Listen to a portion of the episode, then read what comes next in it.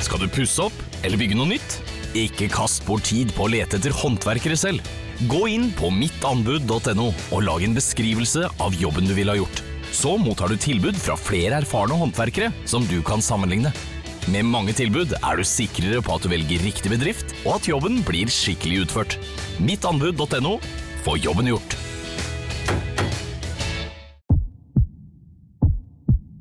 Otto og Anne tar pulsen på landet. Ja, det gjør vi. Jeg heter Otto Jespersen, og hva var det du het igjen? Jeg heter Anne Grosvold, og hver uke har vi med oss en interessant gjest. Det har vi. Otto og Anne tar pulsen på landet. Hører du der du hører podkast. Ready? You have the cameras rolling? He was hosting boozy parties in Downing Street. But when the president does it, that means that it is not illegal. I have a dream. We will win this election and we will change the country together. Today we witness the most evil and heinous abuse of power in the history of our country. Velkommen. Velkommen. Mitt navn er Eirik Bergesen, Og mitt navn er Sofie Høgestøl. og dette er vårt nokså uhøytidelige, veldig personlige forsøk på å gå bak ukas nyheter, lete etter sammenhenger, si noe om fremtiden på jakt etter det store bildet, slik vi ser det. Og vanligvis ville jeg sagt hver fredag, men det er ikke fredag i dag. Det er onsdag. Eh, Og det er fordi at vi rett og slett gjør vår første ordentlige breaking-episode på en stund. For i går så ble jo Trump eh, arrestert for andre gang på kort tid. eh, Og stilt for retten i Florida i det første åpne rettsmøtet av denne hemmelige stempeldokumenter-saken. Og da måtte vi samles og snakke ut om dette i dag, Eirik. Ja, la, la oss bare dvele litt på formuleringen 'Trump ble arrestert', for det var faktisk det han, han er, altså da han, idet han ankommer lokalet, under arrest. Mm. Uh, ja, uh, og det, det handler litt om at det han egentlig gjorde i går, var å overgi seg til myndighetene. Um, som du må gjøre. Det er også en uh, fin formulering. han, du har blitt satt inn under en tiltale, men fordi at det ikke er en voldelig straffehandling som han har blitt tiltalt for Hvis, hvis det var det, så hadde de kommet og hentet han. Da hadde du blitt pågrepet av politiet i ditt hjem, antageligvis midt på natten. Det var ikke nødvendig her. Eh, Da hadde han mulighet til å komme selv, så da hadde de planlagt han skulle, når han skulle komme. Og det var derfor han også kom. Jeg fikk en del spørsmål. Ah, nei. Ok, beklager, Nå ble du så ivrig at du ivrig. veltet mikrofonen. Jeg tror det gikk helt fint. Vi er, vi, vi vi er er i nemlig et nytt studio. vi er nytt sånn studio. Vi er i et studio med lenestoler, så vi sitter sånn veldig tilbakelent, eh, og, og det er det god grunn til. Fordi Mhm. Vi skal ta et bitte, bitte lite bilde her. Eh, selv om det lille bildet er jo, og det store bildet er Trump. Eh, Fordi vi er nok litt sånn slitne begge to. Vi har godt av å sitte i lenestoler. Jeg var i TV 2 i hele går, fra halv seks til halv elleve. eh, Var igjen i klokka sju, og du hadde vel en, en lignende type timeplan i NRK? Ja, jeg kom, kom Jeg var hos NRK fra seks, og så litt av og på videre. Og så var jeg vel hjemme sånn kvart på tolv. Um, avrundet dagen med å gå på Mækkern. Og det, det var Trump-inspirert. For Trump eh, Jeg leste en eller annen artikkel med han om at han hadde avrundet en eller annen dag nylig forrige uke med å gå på McDonald's. For han er veldig glad i McDonald's, og jeg er jo egentlig vegetarianer, så jeg spiser jo ikke hamburgere. Er veldig lenge siden jeg har vært på McDonald's, men jeg var supersulten, for jeg hadde glemt å spise middag før jeg gikk på NRK. Hvilke vegetaralternativer har McDonald's? da? Eh, de har vegetarburger som var ganske god, eh, faktisk. Så jeg spiste Mækkern på vei hjem. Um, men ja, uh, og så har jeg sovet i kanskje fire timer. Jeg vet ikke hvor mange timer du har sovet. Nei, det var, det var jo spesielt varmt i Oslo i natt, uh, og jeg har en eh, dårlig rygg som skal fikses av en fysioterapeut om en liten time. Så sov litt dårlig. Jeg var tidlig opp igjen, og, så møtes vi jo da i studio her med Ikke bare kommer fra hver vår kanal, men vi kommer altså med Du kommer med, med kaffe og muffin fra eh, Kaffebrenneriet. Kaffebrenneriet. Jeg kommer med kaffe og scone eh, fra Steam. Så altså, to parallelle universer eh, møtes. Møtes. Og, ikke som to skip i natten, men som eh, eh, to kommentatorer om morgenen. Ja, for vi har begge vært på morgensendingene da. Meg hos NRK, Ja. du hos eh, TV 2. Vi har ikke snakket om saken. Vi snakket jo, vi var jo innom saken på fredag, eh, for da var det jo kommet en del reportasjer om at um, han var på vei til å bli tiltalt. Og så kommer eh, Jeg føler at statsadvokaten i denne saken har, ingen, har vist ingen hensyn til vår pod. For de velger da altså å, å komme og offentliggjøre tiltalen eh, på kvelden på fredag, eller egentlig tidlig lørdag morgen norsk tid. Og da snudde jo hele mediebildet seg på kort tid. og, og da, eh, da Du sier at vi ikke har snakket sammen. Vi har jo snakket og tekstet osv. på telefon. Eh, Og du ringte meg jo straks den kom, og var over deg av begeistring for eh, alle de eh, juridiske spissfindighetene i det. Du har eh, tiltalen liggende her, Jeg har det. Jeg med all på verdens bok, ulike fargede som bokmerker. Absolutt. Jeg gikk inn på, på jobb på søndag og satt meg ned og leste hele tiltalen og gjorde min egen lille analyse. Jeg så ikke på tiltalen før det. Litt fordi at faren min hadde bursdag, så jeg var på bursdagsfeiring fredag kveld og, og litt av lørdag. Um, så, men jeg tenkte sånn, hva er poenget med å ha en dokt Doktorgraden min er hvordan man tar ut en tiltale i en internasjonal strafferettssak. Så mye av det jeg gjorde dok i doktorgraden min, var å lese tiltaler. Um, og han som er, han som er um, Jeg skulle til å si sjefsanklager, for det ville du sagt i internasjonal strafferett. Men han som er um, statsadvokat i denne saken her, Jack Smith, han har jo blitt hentet hjem fra Haag. Han var jo inntil nylig krigsforbryter, statsadvokat, som er mitt fagfelt. Um, og det er jo en grunn til at han har vært det. Det har vært veldig mange amerikanske statsadvokater som har blitt utlånt til Haag for å drive med de etterforskningene. Så mye av internasjonal strafferettsjus på dette feltet er jo egentlig amerikansk strafferett. Så jeg tenkte, hva er poenget med å ha en doktorgrad i tiltalejus hvis jeg ikke skal gå inn og gjøre min egen analyse av denne tiltalen? Um, så jeg gikk inn på jobb og, uh, på søndag, koste meg masse med å lese den tiltalen, har ferdig analysert den, er klar for å snakke om den. Men vi har jo masse annet å snakke om også, for nå har, nå har jo da Trump blitt fremstilt for retten. Ja, og det som vi da begge kommenterte i time etter time i går, var altså dette rettsmøtet. eh, Som, eh, hvor han dukket opp egentlig bare for å høre tiltalen, og for å erklære seg på ingen måte eh, På ingen skyldig. måte skyldig. Og, og så fulgte det en sånn jeg Vet ikke om du satt du og kommenterte sånn, en bilkortesje som kjører ut og stopper hos cubanerne. Og Ja, eller det vil si Cubansk restaurant, da, riktignok. Det vil si, da var vi mellom Da var vi liksom mellom 21-nyheten og Kveldsnytt da dette skjedde. Og det var, veldig, det var veldig gøy, for jeg fikk sitte oppe på desken med de i NRK som da klipper og produserer frem mot uh, 23-nyhetene. Dette er jo rundt klokken ti norsk tid. Da, så de, vi satt jo alle og ventet på at han skulle komme ut av, um, av uh, rettssalen, at han skulle bli kjørt denne bilkortesjen sin. Og så tenkte vi at han skulle rett til flyplassen, for vi visste at han skulle ha et velgermøte i New Jersey. Vi skal komme tilbake til hvorfor New Jersey er ganske viktig i denne tiltalen. Men uh, han gjør et pitstop, et sånn veldig sånn Trump-aktig pitstop på veien til flyplassen. Han stopper på en cubansk restaurant slash bakeri som heter Versailles. Aner ikke hvorfor det heter Versailles.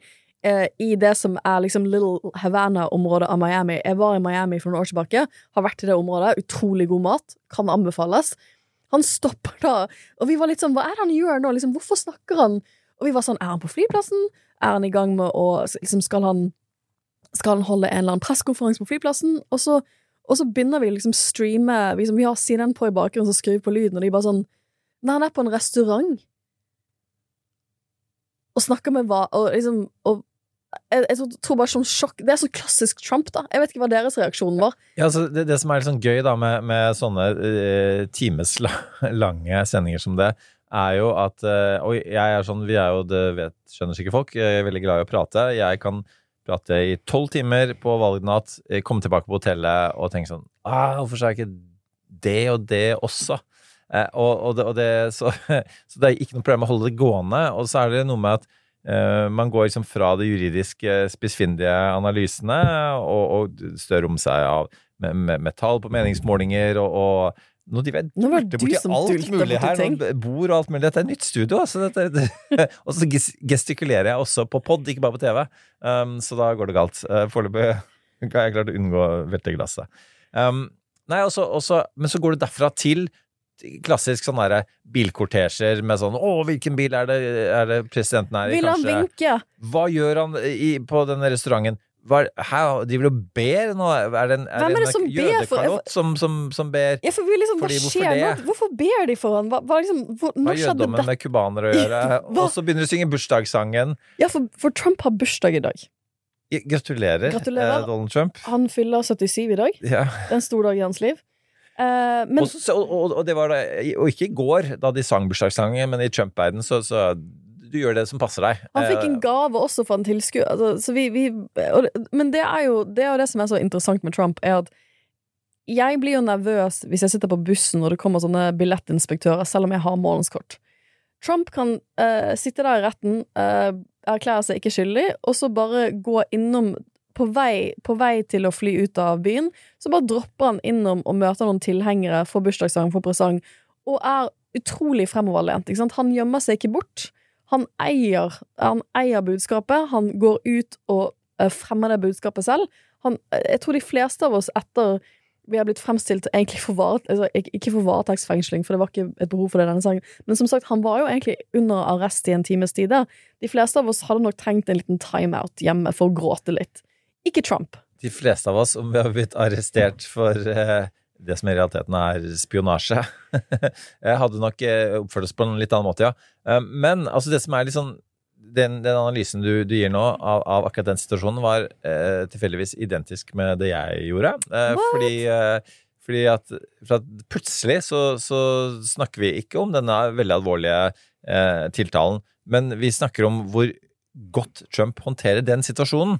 Eh, og hvordan han, han kommer inn der, og det, er hytte med neven, han, han klemmer på folk, blir klemt, ikke minst, av, av svært begeistrede tilhengere. Og, og, og roper sånne ting som uh, uh, 'food for everyone' og så videre. Jeg lurer på hvem som tok den, uh, den regningen, til, til syvende og sist. Men og, og, og, og da endte jeg opp med å snakke i flere minutter om hvor flink Trump er i sånne settinger, og hvor dårlig Biden er i sånne settinger. Og så bare måtte jeg korrigere meg selv, og så sier jeg ja, vent nå litt, hva er det vi gjør nå? Jo, nå gjør vi akkurat det Trump vil at vi skal gjøre, nemlig ikke snakke om den vanskelige saken hans, snakke om hvor, hvor flink han er til å, til å nå ut til mennesker, eh, gi eh, folk som føler seg fremmedgjort av politikk, en, en stemme, osv. Og, så og vi spiller Trumps spill. Og, med og ikke minst gang- snakke om han. Vi snakker bare om han. ikke sant. Eh, Og, og med en gang han beveger seg ut av rettssalen, så, og, og på ja, kall det gjerne eh, folkets domstol, eh, så, så er han jo i sitt ess. Eh, og så vet vi, det skal vi snakke om etter hvert nå, at den saken skal ikke avgjøres i folkets domstol, det skal avgjøres i rettssalen. Men, men akkurat Men så måtte jeg da, for så nerd er man, måtte jeg komme tilbake. Så gikk jeg inn på CNN, spurte meg tilbake der for å se hvordan vår venn Jake Tapper og co. håndterte akkurat den samme situasjonen. Jake Tapper er da en sånn ganske kjent anker på CNN.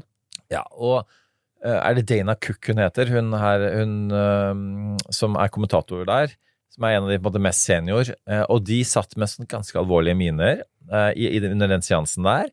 Eh, og så begynner de litt sånn som, sånn som eh, oss, med sånn, ok, hva er det egentlig som skjer her, sånn og sånn. Og så, det de gjør da, som var interessant å, legge merke til, var at de, de kutter opptaket. Eh, og så sier da Jake Tapper med ganske sånn alvorlig mine inn i kameraet sånn at eh, dette trenger vi ikke å se mer på. For dette er ikke noe annet enn en valgkampvideo for Trump. Dette er nøye planlagt, nøye regissert. Dette er han som prøver å spille eh, oss i media, og det skal vi ikke være med på. Eh, så TV 2 var med på det. CNN var ikke med på det.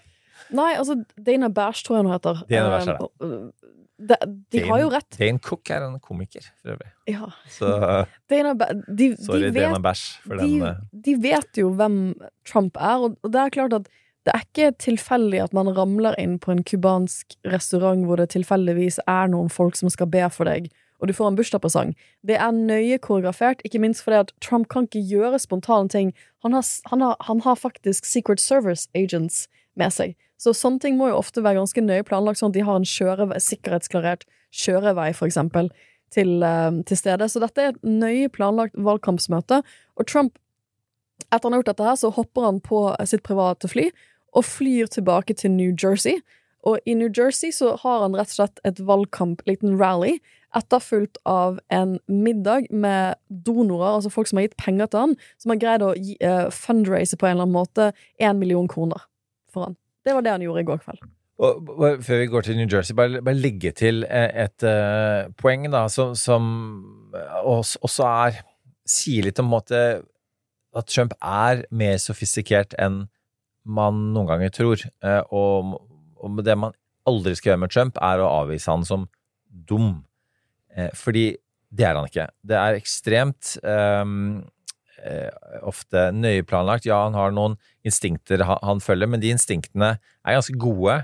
Eh, men det som måtte er narrativet rundt eh, akkurat den seansen eh, med cubanerne, da, er jo en sånn en type slags sånn, sånn analogi, en sånn sammenligning med Altså at cubanerne eh, var utsatt for eh, en tyrannisk sosialistisk stat som undertrykte de, og de måtte flykte til USA og til Florida for å på en måte oppleve friheten.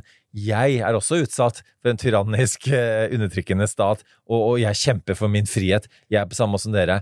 Og, det, og den, den, er, den er, altså Det er ja. et lag der som er litt sånn viktig å få med seg, og det funker. Og ikke minst hos cubanske eh, amerikanere som bor i Florida, for det er en velgergruppe som han har økt veldig blant. Og så altså, altså, hindres eh, han heller ikke av sin mannssjåvinisme, for det er litt sånn machokultur også der.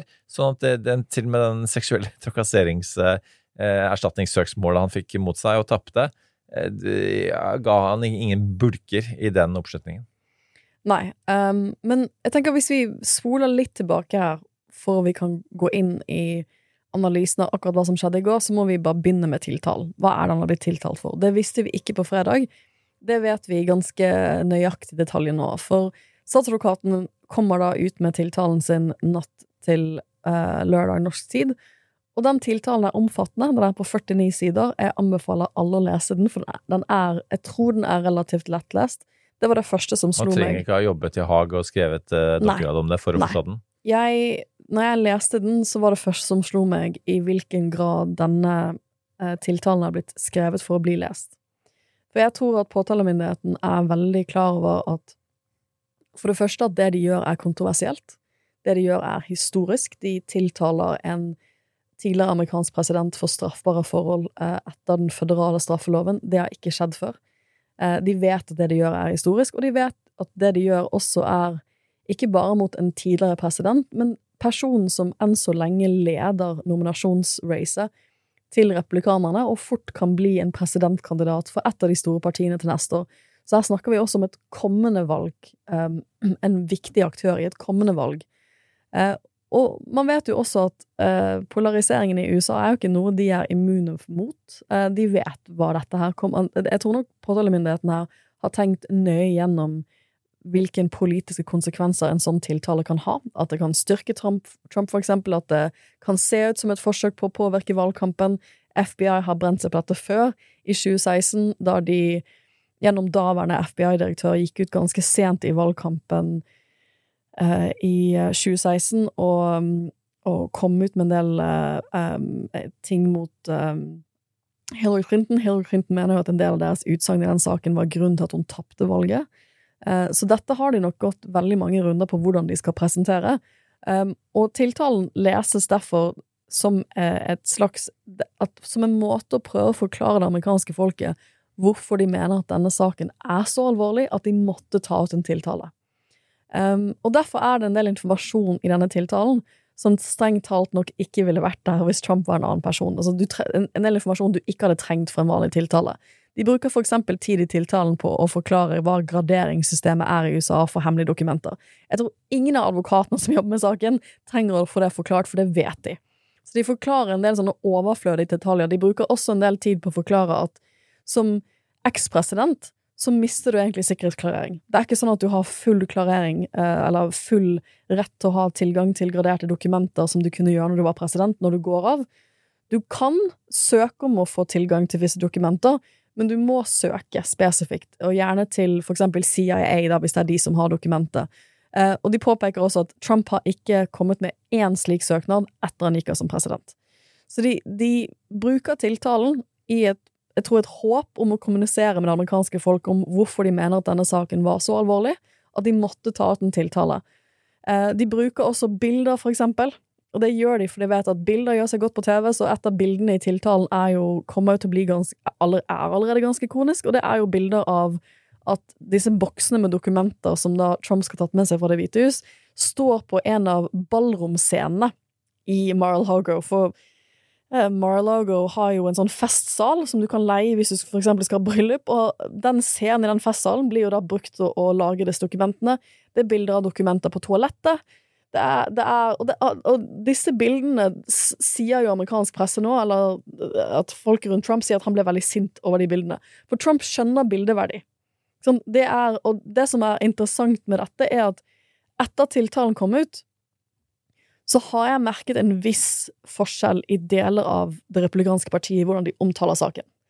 Eh, før dette så var det mye sånn av total heksejakt, og det var liksom ingen erkjennelse av noen av forholdene. Etter tiltalen så er det selv folk som støtter Trump, som nå har syntes det har vært viktig å i alle fall si at han burde kanskje ikke ha hatt disse dokumentene. Han burde kanskje ikke ha hatt de på toalettet. Han burde, jeg ville ikke gjort dette selv. Eh, og det er interessant, så De har jo skiftet noe av narrativet når det kommer til hva Trump faktisk har gjort i saken. Ja, og, og de som har kanskje vært tydeligst, er jo folk som eh, selv er jurister på et veldig høyt nivå, som har jobbet eh, selv med eh, altså eh, gradert informasjon. Og kanskje den fremste eh, talspersonen der er, er jo Bill Barr, tidligere justisminister, som har sagt at, at hvis bare halvparten av dette her stemmer, så er dette helt krise eh, for nasjonen. Eh, John Bolton er jo en, en annen tidligere sikkerhetspolitisk rådgiver som, som har sagt at det, at det er utrolig viktig å, å ta politikken ut av dette her og se på dette strengt juridisk, eh, fordi at nasjonens sikkerhet angår alle. Eh, og, og, og det, altså det er jo ehm, eh, Altså republikanske partiet er, som, som mange vet, tidligere i hvert fall kjent som lov og orden-partiet. Dette, dette er jo ting som de alltid har vært veldig opptatt av. Vi skal ikke lenger tilbake enn til Hillary Clinton eh, og hennes oppbevaring av dokumenter da, på, en, på en server, eh, som, som var på en måte Om det avgjorde valget til syvende og sist, er, vanskelig å si, men, men det var i hvert fall det eh, republikanerne prøvde å avgjøre valget på grunnlag av. Eh, og, og, og dette her er jo mange, mange, mange ganger verre. Så kan man også legge til liksom Mike Pence, så, som uh, lanserte sitt kandidatur ved å si at uh, en, en tidligere president kan ikke heve seg over loven, uh, eller be andre om å heve seg over loven på hans vegne, som var et veldig utilslørt stikk eh, til Trump. Så, så her er det det republikanske partiet er ganske polarisert, fordi på en motsatt ytterlighet, og, og det er en representant for det, eh, Mike McCarthy, som var, som er eh, majoritetsleder for republikanerne i Repu- Representantenes hus, heter det, eh, som, som sier at ja, men et, et toalett kan man jo låse, så, så det, hvorfor ikke oppbevare det der? Det morsomste de gjør i tiltalen, og det er jo det er, det er jo for å nå folk, men det har nok et, også et juridisk aspekt. Det er at de rett og slett trekker inn uttalelser som Trump gjorde i 2016 som kandidat til å bli president, men også etter han har blitt president, om hvordan han ser på uh, viktigheten han legger i å beskytte uh, gradert informasjon. For dette var jo en stor sak i valgkampen mellom han og Hillary Clinton, hvor han brukte all tiden sin på her emails, emails, emails, email. Så de har i tiltalen i avsnitt 22 av tiltalen, så har de masse sånn Så har de uh, en rekke uttalelser som Trump har sagt, blant annet da i august 2016 så sier Trump In my administration, I'm going to enforce all laws concerning the protection of classified information. No one will be above the law. Eller, eh, altså, liksom, eller et sånn lengre avsnitt hvor jeg også bare skrev et ha-ha-ha-ha. Hvor han da i juli eh, 2018 sier Such access is Eller han snakker om folk som har fått um, tilgang til gradert informasjon, og så sier han Such access is particularly inappropriate when former officials have transitioned into highly partisan positions uh, and seek to use real or perceived access to sensitive information to validate their political attacks. Any access granted to our national secrets should be in furtherance of national, not personal interest. Fra mannen som da tar med seg masse graderte dokumenter hjem og gjemmer de på toalettet. Og for, å- for å liksom ta lytteren gjennom hva er, hva, er time, hva er det egentlig som har skjedd i denne saken? Kan jeg, kan jeg bare ta et toalettanekdote først? Eh, Ja. eh, og, og altså, tenk at hvis du er kinesisk eller russisk spion, og så skal du bryte, bryte deg inn på Mar-a-Lago for, for å få hemmelig informasjon, eh, og, så, og så risikerer du all verdens arrestasjon og sånt eh, for å eh, åpne en safe og, og, og skulle ta noen bilder og så videre. Og så tar du en tur på toalettet på veien ut, eh, og så ser du at ja, men der er det jo også en kasse med en ørn på. Det, jeg kunne bare gått på do, jeg, og så, så fant jeg det der. Ja, det, det er jo problemet igjen. Det, det er jo derfor de bruker litt tid på at han hadde det rett og slett stående på denne scenen i ballrommet. For det ballrommet er et ganske stort rom med mange inngangsdører. Og hvis du da i løpet av sommeren 2021 eller sommeren 2022 betalte for å bo på Mar-a-Lago, så er det ikke helt avklart at du ikke kunne ha stikket inn og funnet de boksene. Og det er jo det som gjør at det er veldig, veldig vanskelig sikkerhetsmessig for um, de som jobber med hemmelig informasjon i USA, for det, er ikke Det er ikke Det er, det er liksom Det er snakk om, det er snakk om atomhemmeligheter. Det, det er snakk om veldig sensitiv uh, informasjon som da har ligget rundt. Og du trenger ikke å være verdens flinkeste spion for å booke et hotellrom på Mar-a-Lago og så gå rundt og grafse i disse boksene. Det er, ingen, det er ingen bevis i tiltalen på at det er det som har skjedd, men det er jo det som er frykten her. For det, det vet man jo ikke. Man, Man det vet er helt umulig å vite hvem som har sett det, eller hvilke skadevirkninger det er, fordi at det har vært så åpent Ja. som det er. Og det er en etterforskning hvor man skal prøve å kartlegge skadevirkningene av det eh, i Justisdepartementet nå, men, men det er i realiteten helt umulig. For det er ikke sånn at man, man går inn og stjeler dokumenter, man går inn og tar bilder av dokumentene. Ja, man trengte jo egentlig bare snike seg inn i dette ballrommet og ta masse bilder. Det er ikke noe mer man hadde trengt. Samtidig så var det jo mange bokser, så man ville måtte, måtte brukt en del tid på det. Ja, det var 13 000 dokumenter, 100 av de Ja. som, som er, er spesielt eh, strengt klassifiserte. Men la oss bruke litt tid på denne tidslinjen. For det som skjer, er at Trump forlater da Det hvite hus um, 20. Eller han er president fra 20. januar 2019 eh, 2017 til 20. januar 2021. Da har han full, uh, full tilgang til gradert informasjon. Han kan også avgradere informasjon etter eget ønske som president. Han mener at han kan gjøre det bare ved å tenke på det, for det har han sagt. Det er litt uklart. Det er juridisk uavklart om han må følge en prosess eller ikke, eller om han kan bare velge å, å hoppe over alle sånne prosesser. Men vanligvis så er det en prosess for å avgradere informasjon. Dette ved Trump, for han har offentliggjort en del ting etter en sånn avgraderingsprosess, hvor han har fulgt den vanlige prosedyren.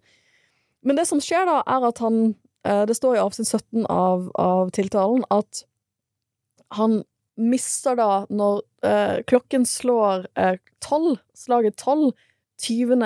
januar 2021, så går han av som president, og da har han ikke lenger automatisk tilgang til graderte dokumenter, med mindre han har en begrenset mulighet til å søke om å få det. Eh, men da må han søke eksempel CIA eller Forsvarsdepartementet om å få spesifikk informasjon. Eh, det har han aldri gjort eh, etter han gikk av som president.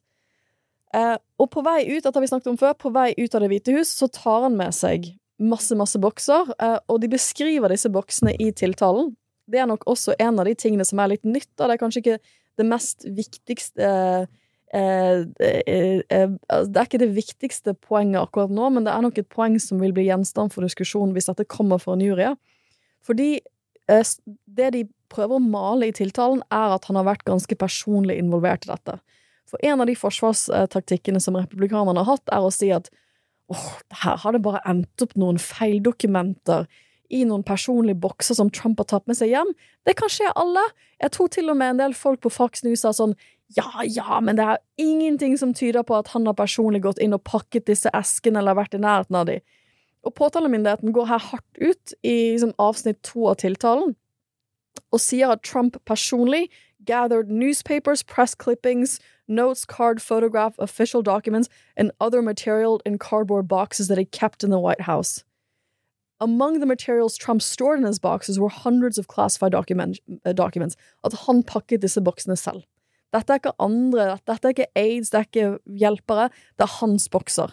Og det er han som har hatt kontroll over disse boksene, og det er det de virkelig bruker tid på å, å male frem i tiltalen, at han har vært personlig involvert i hvor disse boksene har blitt flyttet, og han har også Og det er her New Jersey kommer inn som et sånt morsomt, men også veldig rart segment, er at han er så glad i disse boksene med til dels gradert dokumenter, at han tar dem med seg på reise når han skal reise til New Jersey, når han skal reise til golfklubben sin der, på sommerferie, så tar han dem med seg.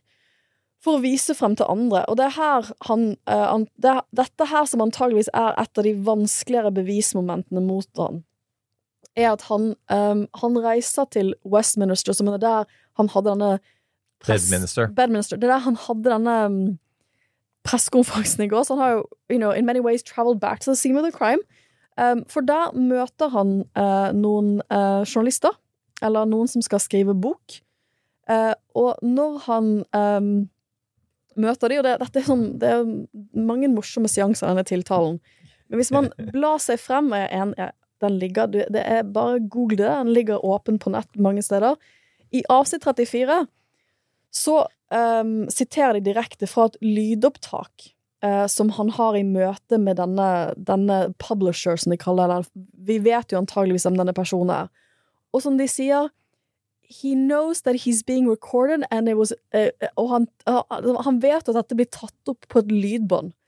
Um, og da viser han uh, et dokument. Look what I found. This was the senior military of, of, of, officials' plan of attack. Read it and just show. It's, it's interesting. Han viser da frem det som amerikansk presse, vi får sikkert vite mer om dette, sier er, var et utkast til et angrepsplan for Iran. liksom, og som Nato-medlemsland så tenker jeg, er det, ikke, er det bra for oss at han viser sånn gradert informasjon, sånn utkast i hvordan man kan angripe Iran, for dette var en stor sak under hans presidentperiode. Så han viser det fram til denne forfatteren, som da heller ikke har sikkerhetsklarering. Ingen av disse personene har sikkerhetsklarering til å se noe som ligner på dette. her. Og så snakker de frem og tilbake, så sier Trump except it's like highly confidential. You know? It's like highly confidential. Så sier Trump, og så uh, Staffer, som jobber for Trump, ler. Ha-ha-ha-ha. Og så sier Trump secret. This is secret information. Look, look at this. You attack and dot, dot, dot. Uh, og så sier de rett og slett frem og tilbake, så sier Stafford sånn, så sier denne medarbeideren til Trump sier sånn I don't know, we'll have to see, yeah, we'll have to try to Og så sier Trump declassify it. Og så, så sier Stafford figure it out, yeah. Så sier Trump see as president, I could have declassified it. Stafford sier yeah. Uh, Trump sier no, I can't, you know, but it's still a secret. Så Trump sier I could have declassified us as president, and now I can't. In other words, he didn't declassify these documents. Og det har jo også vært et av hans hovedforsvar da saken kom ut. I declassified all these documents on my way out of the White House, and I did it just by thinking about it. Uh, her sier han på et lydopptak igjen et lydopptak han vet Dette er ikke noen som har, har skjult opp han, han, viser det frem til noen for brife, uh, og sier at ja, nei, vi må se hva vi kan gjøre her, for jeg avgraderte ikke dette dokumentet som president, så vi får se hva vi kan gjøre med dette. Og eh, altså, her er det mye man kan man si, men for å oppsummere litt, da. Eh, Trump sier at han har ikke gjort noe galt. Det er hans eh, juridiske og politiske forsvar. Men det er jo helt åpenbart at han har gjort noe galt, at han vet at han har gjort noe galt, og at han har prøvd å skjule at han har gjort noe galt. Så det er jo det er jo en av de grunnene til at mange jurister mener at saken er veldig solid, eh, og som du nå sier, er også veldig solid oppbygd. Og så vet vi at, at vi kommer litt tilbake til det, liksom, at dommerne er republikansk oppnevnt, det er tolv jurymedlemmer fra ganske republikanske Florida, eh, og det holder at bare én av de eh, er uenig i, i, å dømme han. Så, så, så det, det, er skjørt i seg selv, sånn som, som system. Skal du pusse opp eller bygge noe nytt? Ikke kast bort tid på å lete etter håndverkere selv. Gå inn på mittanbud.no og lag en beskrivelse av jobben du ville ha gjort. Så mottar du tilbud fra flere erfarne håndverkere som du kan sammenligne. Med mange tilbud er du sikrere på at du velger riktig bedrift, og at jobben blir skikkelig utført. Mittanbud.no få jobben gjort. Altså Det jeg faktisk lurer ordentlig på, Sofie, og jeg gleder meg til å ha deg i studio for å spørre om, er hva er egentlig hans juridiske forsvar? Altså, Hva er det han forsvarer seg med, bortsett fra at, eh, at ja. han har, ikke har gjort noe galt, og at han har lov til å gjøre alle disse tingene, når det er så åpenbart at, eh, at, det ikke stemmer? Det er litt uklart for meg hva advokaten hans faktisk skal sy sammen her som et ja. forsvar. For det at, um, igjen, det er, liksom, det er to ting de gjør ved tiltalen. For det første så knytter de han personlig til at han har pakket disse eskene selv, ser ut til å være antydningen, og at han har flyttet de rundt. Han har visst hva som var i det. Han har visst det godt nok til at han velger å ta med seg en boks til New Jersey da han er på sommerferie der juli 2021, og så dra opp dette dokumentet som han tydeligvis vet han har, for å vise det til en journalist, for han syns det er så kult, det som er der. Eh, og sier til denne journalisten 'jeg har ikke avgradert det', for det har på mange måter vært hans hovedforsvar juridisk, sånn som jeg har skjønt det så langt, har vært at Nei, nei, men jeg avgraderte disse dokumentene der jeg tok de med meg fra Det hvite hus. Og det har jeg syntes har vært et, et sånn interessant forsvar, for at eh, i en straffesak så er det påtalemyndigheten som beviser ting. Du må ikke bevise en dritt. Du må ikke motbevise en dritt når du er tiltalt i en straffesak. Det er staten sin jobb å bevise at det de sier, er sant. Og hvis du, som, uh, hvis du da sier, vet du hva, jeg hadde, og det har du som president, jeg hadde myndighet til å avgradere dokumentene, og jeg gjorde det bare, så hadde det nok vært i utgangspunktet vanskelig for en statsadvokat å motbevise det. For hvordan skal de mot... Altså, hvis han sier det For de må jo møte bevisbyrden sin til over enhver rimelig tvil. Eh, Og da har jo Trump skapt en rimelig tvil om at det er en mulighet her for, ikke, for at disse dokumentene ikke er avgraderte. Men nå inn, har de en lydfil hvor han selv sier 'It's secret'. I, I didn't declassify them as president. Eh, Så da faller liksom det. Og det kan jo godt være at de prøver på de andre dokumentene og sier at «Å, kanskje ikke det dokumentet der, men disse andre dokumentene avga... Altså, jeg sier ikke at de ikke kommer til å prøve seg, for det er det du skal gjøre når du har forsvarsadvokat. Du skal prøve deg på alle mulige innfallsvinkler. Eh, men det er nok to de kommer til å prøve seg på, som har vært litt forsvaret til en del republikanere de siste dagene. Det er at han hadde ikke noe skumle intensjoner bak dette. Han gjorde det ikke for å, for å selge denne informasjonen til eh, russiske spioner, eller Han hadde ikke liksom onde intensjoner eller onde hensikter, og derfor var det ikke straffbart. Men jeg tror nok påtalemyndigheten mener at det er ikke Du trenger ikke å um, ha hatt onde intensjoner. Du trenger kun å ha skjønt at du hadde gradert informasjon som du ikke skulle hatt. Og det virker det jo som de har en lydfil av Trump som, som ja, Men igjen, dette er påtalemyndighetens sak. Nå må Trumps advokater komme på banen og komme med hans versjon av saken. En kjapp ting med, disse lydfilene er jo at uh, dette er ting de, altså, dette er et dokument som er, er på en lydfil, men tenk på det de ikke har lydfiler av, av andre dokumenter som han kan ha gjort akkurat det samme med. Det er interessant. Og en annen ting er liksom dette spørsmålet, altså hvorfor gjorde han det? Som også er, tror mange, selv republikanere, lurer på. Eh, Og, og det er Jeg jeg kan anbefale en um, podkast som heter Americast, som BBC har. Som, hvor, de også hadde veldig gøy i dag morges med å gå gjennom denne saken her. Eh, og og da, da har de med en eh, kar som var chief of staff for Department of Homeland Security, som altså var som, eh, oppnevnt og, og, av Trump, tjenesteord for han, som svarer på akkurat det. Eh, og, og det svaret han gir, får eh, BBC-programlederen til å si Wow, that, that was a bold statement. Fordi han sier at Trump ønsker leverage.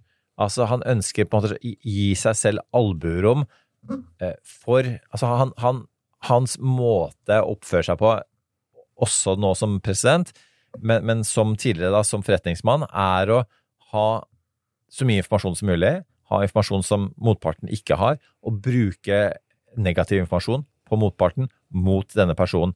Og for sånne som oss som har lest eh, Maggie Haberman-boka, så, så er altså han, han kan for eksempel 50 år tilbake i tid gi gratisbilletter til et arrangement til noen som ikke har lov til å ta imot gratisbilletter, og så bruke det 50 år seinere mot de. Eh, Så med andre ord, så det at han sitter med dokumenter eh, som, som da har sensitiv informasjon om ulike land, kan han bruke seinere i livet, eh, eh, når han ikke lenger er president, mot land. Eh, og, på vegne av andre land, osv. Så, videre. så måte det, det er veldig naivt å tro at ja, altså, det er ikke klassisk spionasje for at han skal selge dokumentene, men, men, men han har han, han, Det er all grunn til å tro, og det er jo en, vi er noe til en som går enda lenger enn meg nå, som sier rett og slett at eh, Trump veldig aktivt eh, samler inn den type informasjon for å bruke det. Ja, og jeg, nå tenker jeg jo, med den sjelelige juristhjernen min, så tror jeg det er ganske lurt av påtalemyndigheten at de ikke i tiltalen spekulerer i hvorfor han tok i dokumentene. Ja, ja. For dette, de trenger ikke å kunne bevise dette antageligvis for sin sak. Og den type spekulasjoner vil jo gjøre hele saken enda mer politisk betent og enda vondere. Um, så hvis du leser tiltalen, så sitter du igjen Det spørsmålet sitter igjen med, er jo selvfølgelig hvorfor gjorde han dette? For hvis du leser tiltalen, så er det veldig klart at han tar med seg disse dokumentene ut av Det hvite hus i, eh, i januar 2021. Påtalemyndigheten mener at det var med viten og vilje, at han pakket disse boksene til dels selv. At han visste at det var, eh, han visste at det var sånn type dokumenter i disse boksene. Eh, og så begynner arkivmyndighetene i USA med å spørre om å få boksene tilbake igjen i løpet av mai 2021. Så innen kort tid så skjønner de at her er det ting som mangler. Hvor er disse dokumentene? For hvis du har vært amerikansk president, så eier staten alle de offisielle dokumentene dine, som var skikkelig irriterende. Men de eier da faktisk alle offisielle dokumenter. Trump har jo da tolket denne loven litt annerledes enn det. Han sa på pressekonferansen sin i går at nei, eller etter valgmøtet i New Jersey at nei, nei, nei, he was negotiating med arkivmyndighetene. Så sånn, det er ikke noe negotiating med arkivmyndighetene. Hvis det er, hvis det er private, if it's your diary, like your private diary, da er det et privat dokument. Da er det ikke et offisielt arkivdokument. Men alle dokumenter som er offisielle presidentdokumenter, og det er det aller meste, da, unntagen kanskje en dagbok, det, det, skal arkivmyndighetene ha. Og det er ikke noe forhandling med det. Men det, det sier jo veldig mye om Trump at han to ting er en forhandling, mens arkivmyndighetene spør han veldig pent, visstnok, i 2020, mai 2021, du må gi tilbake boksene. Så gjør ikke Trump det, og innen juni, ifølge tiltalen, så begynner uh, arkivmyndighetene å si at hvis du ikke gjør dette, så må vi nesten henvise saken til Justisdepartementet, for vi må ha disse dokumentene. Um, så går det ganske lang tid, det er litt uklart hva som skjer i den tidsperioden, men Trump leverer noen bokser tilbake til arkivmyndighetene innen type januar 2022. Uh, men i de boksene så finner da plutselig arkivmyndighetene, for arkivmyndigheter skal ikke ha gradert informasjon, de skal, bare presse, de skal ha selve presidentarkivet, men ikke graderte dokumenter. Så de åpner disse 15 boksene de får fra Trump, har fått fra Trump på det tidspunktet, og i de boksene så finner de plutselig noen sammenkrøllede dokumenter med sånn 'classified' på toppen, og får litt panikk. Og da tar de kontakt med FBI. FBI, eh, eller tar kontakt med Justisdepartementet. Justisdepartementet jobber relativt raskt, og de eh, kobler FBI på saken, og FBI åpner en storjuryetterforskning eh, mot Trump i april 2022. Og det er da ting virkelig begynner å, å, Så hvis Trump Jeg leser jo tiltalen slik at hvis Trump bare hadde utlevert disse dokumentene på det tidspunktet, så hadde vi ikke sittet her i dag. Da hadde, kommet, da hadde, det ikke vært noe mer med denne saken. Det denne storjuryen og FBI gjør når de er koblet på saken, er at i løpet av to-tre uker så sender de en subpina, en slags en stevning til Trump, hvor de krever å få utlevert, og har lest seg fra tiltalepunkt uh, uh, avsnitt 52, de, de, krever å få utlevert the production of all document with classification markings in the possession, custody or control of Trump. Så med andre ord, alle De er ikke så opptatt av de andre arkivdokumentene, for det er jo ikke sensitivt, men de vil ha alle graderte dokumenter som han har i sin besittelse, på, eller har kontroll over, på en eller annen måte. Den er, den er, det er helt Det er helt det er ikke tvetydig. Det det, det er, soleklart hva de vil ha. Så Trump får denne her 11. mai eh, 2022, og det, er det, er da ting virkelig begynner å gå skli ut for Trump, hvis vi skal tro denne tiltalen. For da har han et møte med advokatene sine i Mar-a-Lago eh, 23. mai 2022 for å diskutere hvordan de skal svare på denne her eh, stevningen. For det, når du får en stevning, så har du tvunget til det. Du kan ikke velge å ikke Det er ikke noe negotiation, Trump. Da må du utlevere disse dokumentene. Og her skal jeg igjen sitere Fatih. Dette er jo um, Jeg vil si at det er interessant at de kanskje viktigste bevismomentene som påtalemyndigheten trekker fram, er, er, hans egne ord i dette lydopptaket, og så er det denne samtalen han her har med sine advokater. Vi, og det, det, er klart at Vanligvis så vet vi ikke hva en klient snakker med advokatene sine om, fordi at de har taushetsplikt. Og det i USA er ekstremt strengt, den taushetsplikten. Du kan ikke bryte den taushetsplikten. Den eneste måten å gjøre det på, er å bevise at du har brukt advokaten din til å begå en straffbehandling. Da må de vitne mot deg, og det skjer jo nesten aldri. Uh, men fordi at, uh, fordi at uh, påtalemyndigheten har overbevist en dommer om at han har brukt advokatene sine til a crime, så har disse advokatene måttet vitne mot han. Um, så da har han et møte med det de kaller for advokat 1 og 2. Vi vet nok hvem disse personene er. De har da har tatt notater fra dette møtet, så vi vet jo mer eller mindre hva, ble, hva som ble sagt. Og de sier, eller har memorialized, det er ordet de bruker. Jeg tolker det som at de har skrevet notater fra møtet for Kanskje fordi at de skjønner at her sier Trump en del ting som de kanskje vil bli bedt om å testify om på en senere tidspunkt. Men Trump sier da på dette møtet I don't want anyone looking. I don't want anyone looking through my boxes. I really don't. I don't want you looking through my boxes. Og så sier han Wouldn't it be better if we just told them we don't have anything here? Og så sier han, well, look, isn't it better if there are no documents? Sant? Kan vi svare på denne tvangsstevningen fra politiet med å kanskje si at det ikke er noen dokumenter? Eh, og advokaten hans er litt sånn ja, det kan vi ikke. Så advokatene og Trump blir enige om at advokat 1 skal komme tilbake til Mar-a-Lago 2. juni og skal gå gjennom alle kassene med dokumenter for å finne graderte dokumenter. Og, da, da, og her er jo hvordan, når ting virkelig eh, straffemessig blir vanskelig for Trump. Påtalemyndigheten mener at Trump har brukt tidsperioden mellom dette møtet 23. mai til 2. juni på å gjemme masse av dokumentene.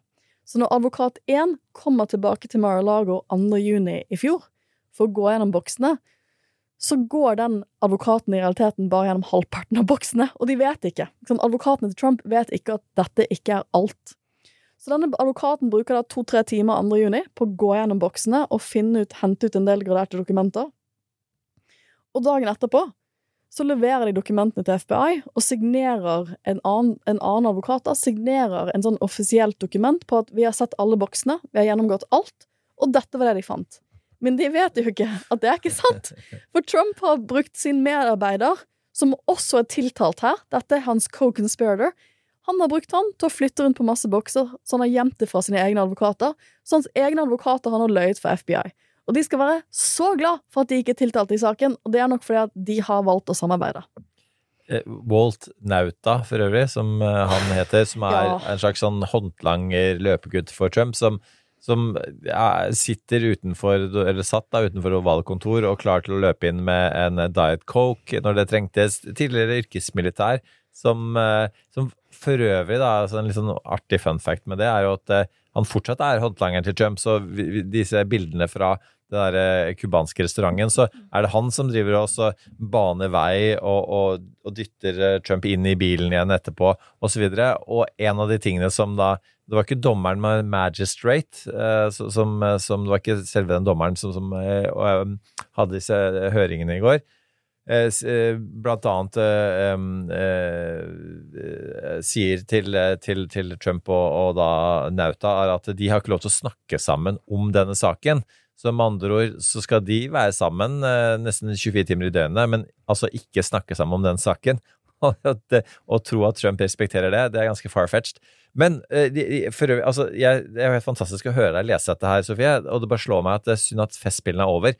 Fordi at du som leser denne tiltalen, eh, sånn som du gjorde i stad, det er et festspilleinnslag. Altså, eh, hvis, hvis noen eh, trenger underholdning på sommerfest eller noe sånt nå, Sofie leser tiltalen. Og det bringer meg inn på mitt favorittdel av tiltalen, er den derre Kan ikke du ta den også? Der hvor Trump makes a plucking noise. Ja, så Det det er så mye som skjer her. Så, det, så 2. juni så tropper han her advokat 1 opp for å gjennomgå alle dokumentene. Eh, og så finner han da en del graderte dokumenter. Og så har han, for det, det, er en annen ting de bruker en del tid på i tiltalen, at Trump eh, velger å skyve på ferien sin. Han skal egentlig vært på ferie innen juni, men han velger å skyve på ferien sin, for han har lyst til å være til stede på Mar-a-Lago. Det advokaten hans da igjen ikke vet, ifølge tiltalen, er at han bruker den tiden hvor de er borte, på å gjemme halvparten av dokumentene. Som denne, denne Nauta. Vi kan snakke mer om Nauta, for jeg syns han er en jeg, jeg syns nesten litt synd på han. Han er 40 år gammel. Han er, som du sier, yrkesoffiser i marinen. Han var, hadde en sånn butler-aktig stilling i Det hvite hus, eh, hvor han gjør en så god jobb at Trump, eh, Trump og han får et godt personlig forhold. Eh, og Trump tar han med seg eh, som sin personlige assistent etter han går ut av som president. Og jeg tenker at for en mann som Nauta, så er det en ekstremt stor karrieremulighet. Plutselig, du går fra å, være en sånn low petty officer i Det hvite hus, til at du faktisk blir håndplukket til å være med ekspresidenten, eh, og være hans personlige sånn body man, sånn type assistent, da. Uh, ja, but he may have used you to commit a crime which you could go to jail for now, so it's really not good. Men så, så, så denne advokaten har gått gjennom boksene, skjønner ikke at det ikke er alle boksene, selvfølgelig, men han finner en del dokumenter. Og så, fordi han er advokat, da, så ligger han det i en sånn uh, en liten folder som er, som er gjennomsiktig, og så tar han og tar teip på det. Uh, og så har han et møte med Trump senere på dagen, for Trump jo, er jo til stede på Mar-a-Lago, og han vil være personlig involvert. Uh, og så snakker de hva skal vi gjøre med denne folderen med graderte dokumenter. Og da sier Trump Did you find anything? Is it bad? Good? Sånn, er det noe veldig ille der? Og advokaten bare sånn, ja. Og så, visstnok da igjen, antageligvis ifølge notater som advokaten har laget, During the conversation, Trump made a plucking motion as memorialized by Trump Attorney 1. Trump Attorney 1 skriver He made a funny motion as though, well, okay, why don't you just take them with you to your hotel room? And if there's anything really bad in there, like, you know, pluck it out. And that was the motion that he made. He didn't say that. Så han, liksom, når de diskuterer hva gjør vi med disse dokumentene, så, så, så, så liksom, gjør da sånn, Trump en sånn hand motion. Sånn, liksom, kan ikke du bare plukke det liksom, bare plukke det ut? Liksom, og jeg vet ikke, kaste det, Um, det gjør ikke advokaten hans, for han skjønner at da går han også i fengsel. Han overleverer jo dette til FBI, hvor de da Og det er det viktige her, de signerer en erklæring. Og det er liksom Det er, det er kanskje det er flere ting jeg ikke skjønner her, men en av de tingene jeg virkelig ikke skjønner, er at de får en annen advokat som ikke har vært med på dokumentgjennomgangen, til å signere dette dokumentet. Det burde vedkommende aldri ha gjort, for de har ikke vært med på den dokumentgjennomgangen. For i eh, eh, det de signerer, er hvor det, det står blant annet i det de, dokumentet de signerer, at de har A diligent search was conducted of the boxes that were moved from the White House to Florida. Det har de ikke gjort. Eh, og da lyger de egentlig em, for FBI, og det har jo en strafferamme på fem år i seg selv. La, la oss eh, spore fram til hvordan dette ender, fordi uh, jeg må til fysioterapeuten og fikse ryggen min. Eh, men eh, altså vi, vi Eller kan jeg bare nevne én ting til, Mm. som sniker seg inn som et bitte lite avsnitt i paragraf 73 av dommen. For det er slik at Så de har gjort dette her. De har overlevert disse dokumentene til eh, FBI uten at de skjønner at det ikke er alle dokumentene, for Trump har gjemt da, ifølge tiltalen, en del av boksene. Og da kunne jo saken egentlig vært over. Da ville jo da FBI ville jo da sikkert tenkt at nå har vi alle de graderte dokumentene. Og da hadde det nok heller ikke blitt en straffesak. Ja, man får et inntrykk av at hadde de fått de graderte dokumentene da, så hadde de gått videre med saken, selv om Trump kanskje, uh, kanskje allerede hadde gjort noe straffbart. Men så står det i avsnitt 73 at ting tar en vending noen uker senere. For in July 2022, the FBI and grand jury obtained and reviewed surveillance video from the Mar-a-Lago Club showing the movement of boxes. Så noen varsler FBI, og sender de en uh, intern video fra Mar-a-Lago som viser at Nauta flytter bokser. Og da skjønner de at de har blitt løyet til. And that is where the buck stops. For da tror jeg de litt sånn What the fuck? What in the actual fuck? OK, da er det full raid. Så da, da, da blir det denne politiraiden som som vi ser på TV i fjor sommer i august, hvor de da finner 102 eh, yt, eh, De finner masse ekstra bokser og 102 graderte dokumenter til.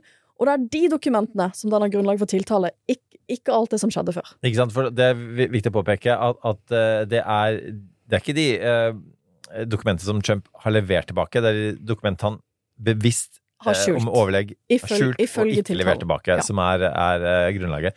Nei, ikke sant, fordi at eh, Og la oss bare også skynde oss å legge til, for noen lurer sikkert på det, ja, men Biden hadde da vitterlig noen boksere han tok med seg. Det snakket Trump om i går. Hadde vitterlig noen boksere han tok med seg, men den store, store forskjellen her der er at de begge to på egen hånd gikk inn og kikka over hva, hva de hadde eh, som de ikke skal ha. Eh, leverte det tilbake, samarbeida fullt ut. Ja, nå- eh, og det er jo det motsatte av det Nå skal jeg være en sånn kjedelig jurist og si at uh, Biden er eh, teknisk sett fortsatt under etterforskning, så vi vet ikke hva konklusjonen vil være der. Han er også på lik linje med Trump under en sånn spesialetterforskning. Det er en annen fyr som gjør den enn den som, eh, den, han Jack Smith som gjør Trumps. Så vi vet ikke, men Biden sine folk har jo prøvd, og Biden har ikke hatt lyst til å snakke om dette, av åpenbare grunner, men Biden sine folk har prøvd å selge inn at det er snakk om et begrenset antall dokumenter. Han visste ikke at han hadde de, og han har samarbeidet fullt ut etter at, eh, etter at det ble klart at han hadde noen sånne dokumenter i garasjen sin. Men folk må jo for guds skyld slutte å ta med seg graderte dokumenter hjem. Det, det går jo bare ikke. Det er jo egentlig straffbart. Jeg, prøver, jeg har ett eneste dokument det kan jeg tilstå nå eh, i all offentlighet eh, fra min UD-tid, eh, og det er eh, um, Den ligger i boden min. Det er ikke et gradert dokument. Det er en, en pressemelding eh, hvor det står at um, eh, UD følger utviklingen løpende. Det er tittelen. Jeg syns det var så søtt. For det er sånn man, man sier eh, til kamera, men det er, liksom, er tittelen på en pressemelding. Eh, den ligger eh, i boden min. Den syns jeg var litt artig å spare på. Men selvfølgelig, altså selv jeg som var eh, low ranking eh, bureaucrat, skjønner eh, at, at eh, det skal man jo ikke gjøre. Um, og, og det er jo en av tingene når, når du er sjef, eh, du skal forsikre deg at du, du ikke gjør. Men eh, eh, strafferammen eh, sånn, Nå er ikke jeg juristen her, men sant, man, man legger jo sammen eh, de ulike tiltalepunktene, og man kan eh, faktisk da ende opp med 400 års fengsel, Ja, eller- og i, ja, det- det uansett si at- at Trump tilbringer resten av livet sitt i fengsel. Trump, Trump bruker et tallet 400, og jeg fikk spørsmålet hvor han fått det fra. Det for det, det, han har tatt alle tiltalepunktene og så han lagt eh, sammen maksstraffen som man kan få for det, og så da kommer du til tallet 400. Men det er nok ikke 400 år det er snakk om, og la meg være helt ærlig på at dette er en av de tingene jeg ikke har så mye sans for i USA, at de har sånne sinnssyke strafferammer, at de legger ting sammen. Og igjen, han medtiltalte, han er 40 år gammel, han er Walt, som har drevet og brakt cola til Trump, men det Walt blir tatt for her, er at FBI har spurt om disse boksene. Han var sånn I, I don't know anything about this. Han har løyet til FBI og vært med på å flytte disse boksene for Trump.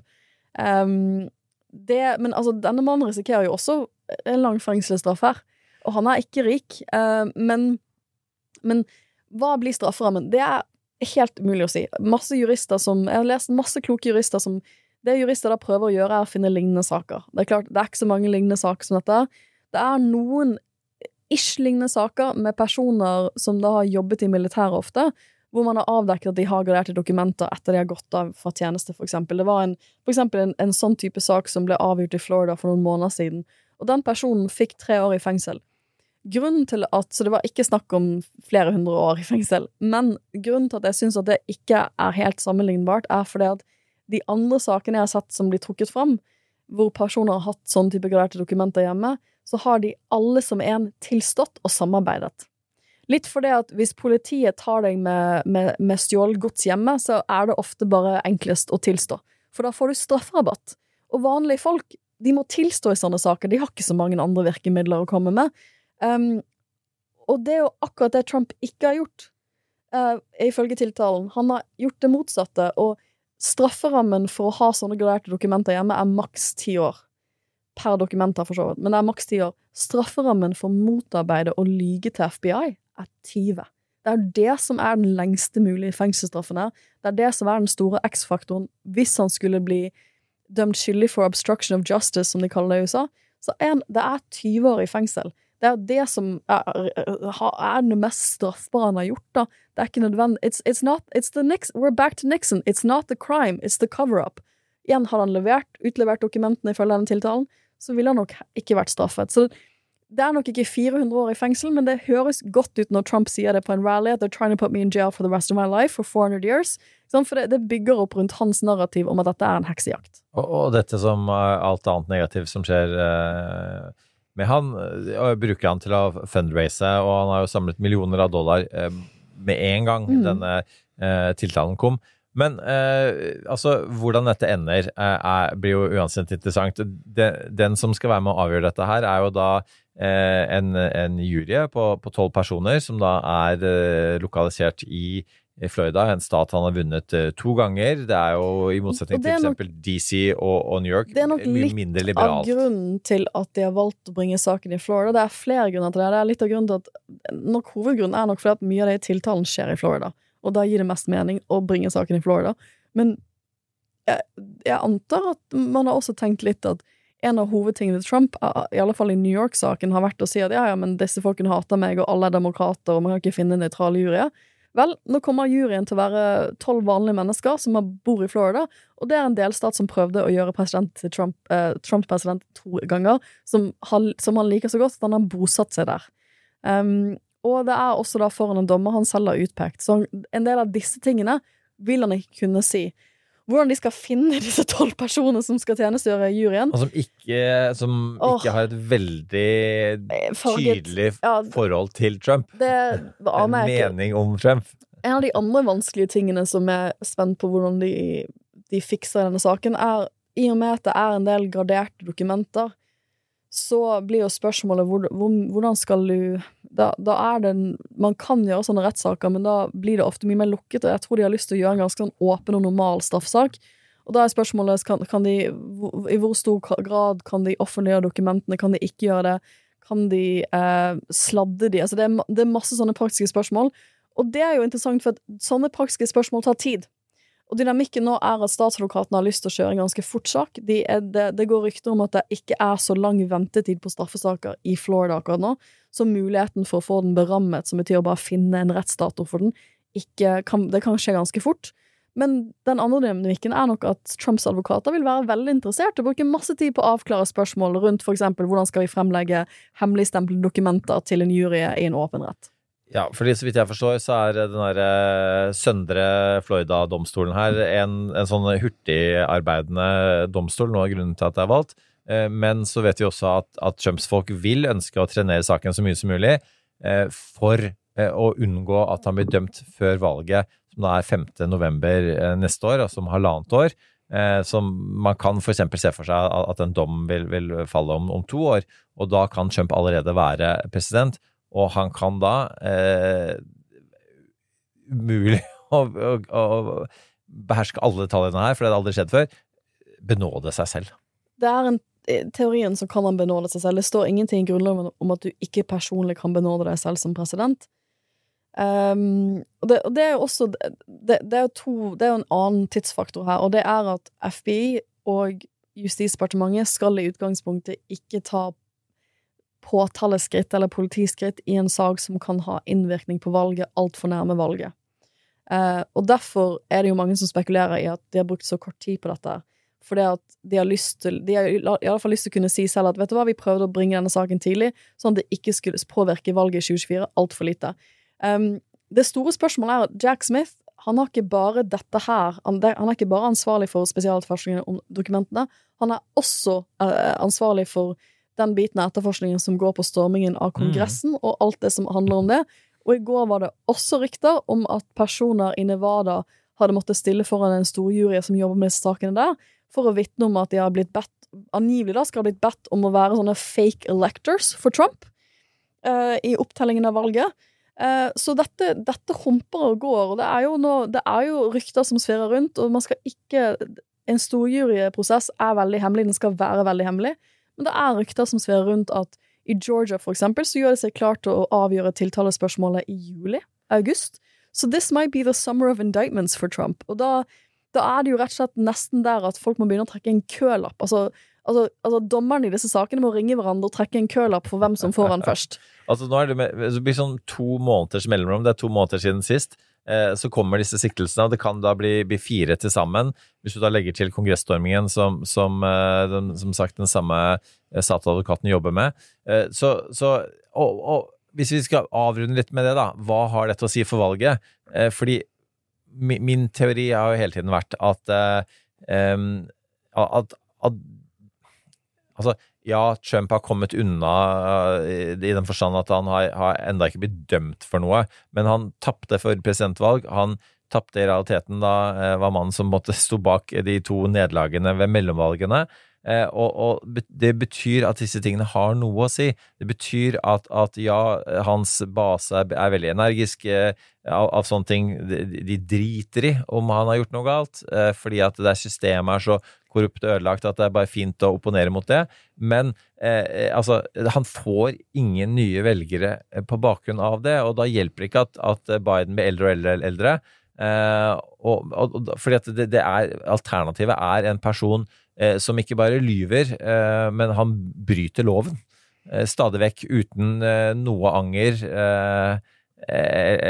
Og, det er liksom Eh, jeg, tror at det har noe å si. Eh, kanskje knapt nok i primærvalget for republikanerne, men i hvert fall i hovedvalget, når han da skal stille mot Biden. Og altså, tenk den, det kruttet Biden eh, har å gå inn i valgkampen med. Altså, det er jo Alle disse tingene her er jo altså levende, pågående valgkampreklame for han.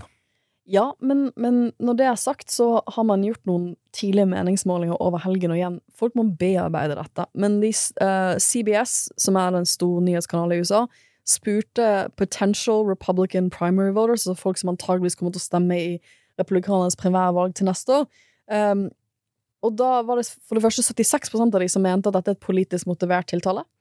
Um, når de fikk spørsmålet kan han være president hvis han blir dømt for disse forholdene, så svarte 80% ja, det kan han. Um, hvis han blir dømt, ikke tiltalt, dømt, Og mest interessant, så ble de, så ble de spurt sånn liksom, how does, you, how, how does the indictment change your view of Trump? Endrer det din oppfatning av Trump? 14% sa at for the better. Det endrer oppfatningen av han for the better. Eh, bare 7% sa for the worst, og 61% sa ja, no change. Så dette her preller enn så lenge av primærvalgsvelgerne til republikanerne, og det er de som kommer til å velge han i første omgang eh, til å bli eh, presidentkandidat for republikanerne. Og i, som, fordi- og i samme meningsmåling så spurte de liksom, hvem burde være the nominee. Trump får 61% Nestemann, DeSantis, får 23% Han leder med 38 prosentpoeng. Um, så hvis man tror at dette er over, eller at Trump går stille ut dørene, det er ikke det som skjer. Spørsmålet er heller om det blir så mange etterforskninger og så mange court dates at det er umulig for han å virkelig sjonglere presidentvalg.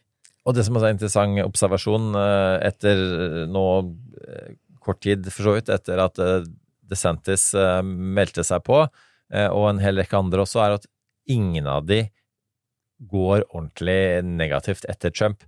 Fordi deres kalkyle er helt åpenbart at det har vi ikke råd til. Eh, eh, hvis vi klarer å vinne mot han, så eh, vil vi gjøre alt vi kan for å distansere oss fra han. eh, på, på en måte som gjør, gjør at, eh, at, at måte, ja, igjen, eh, Det er jo en balansegang, men gjør at man, man kan få tidligere demokrater til å stemme på de, og uten å fremmedgjøre fullstendig maga-gjengen.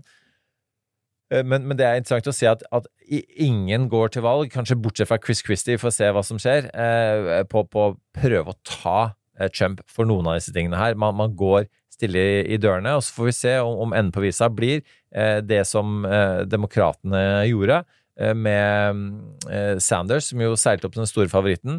De kasta kortene samtidig og ga sin støtte til Biden, som da plutselig seilte opp. Eh, Antageligvis har de lært eh, og vil prøve i hvert fall på noe lignende, og, og da slutte seg om eh, DeSantis, som er den e- eneste reelle utfordreren til Trump. Og så får vi se om, om det kan, kan lykkes. Men, eh, Men vi med har det med andre ord veldig mye å snakke om. så klarer jeg Jeg er usikker på om jeg kommer til å klare å reise meg fra denne lenestolen nå, men, men det må jeg for å eh, komme meg eh, tilbake på jobb. Eh, Og jeg, jeg må tilbake til min og du jobb må tilbake og på gjøre, din, en- vi må eh, gjøre min faktiske forskningsarbeid. Men, men hu og hei for eh, et døgn det har vært i Trump-verden. Eh, eh, nå er det en stund til, til neste gang. Eh, neste siktelse vet vi ikke. Vi, vi spådde jo kanskje allerede i løpet av sommeren. Eh, da, da er vi selvfølgelig klar for en ny bonusepisode. Ja, men, det, ja, det er vi, men det, igjen, det tiltalen viser, er at i fjor var det masse ting som skjedde på våren. Vi ante ikke at de tingene skjedde, men de tingene var i full gang. Og det har vært litt av poenget mitt til en del journalister, at når dere sier at å, ja, ingenting har skjedd i 6. januar-etterforskningen, han kommer ikke til å bli tiltalt der, vi vet ingenting. Denne tiltalen her gjør det klart at det er veldig mye som skjer bak kulissene, og de neste ukene vil vise, og nå må du springe ut av døren. Nå er sekken på ryggen. Nå er sekken på ryggen. Vi lyttes, kjære lytter, for de av dere som Vi har det, og vi giddet å vi lytte så lyttes langt. allerede på fredag, På fredag. for da kommer det en ny vanlig episode som jeg håper ikke handler om Donald. Vi må snakke om at, uh, vi må snakke om at Boris Johnson har gått av. Det, det er, skjer andre ting i verden, Det gjør det. heldigvis. Vi lyttes da. Takk for nå. That's enough. Put down the mic. Kronemarked hos Bar. Nå har vi en mengde varer til 10 og 20 kroner. Hele denne uka får du løbiff fra Folkets før 54,90, nå kun 20 kroner. I tillegg får du et utvalgt Vasa knekkebrød, før fra 16,90, nå bare 10 kroner. Alltid tilbud på noe godt. Hilsen oss i Spar.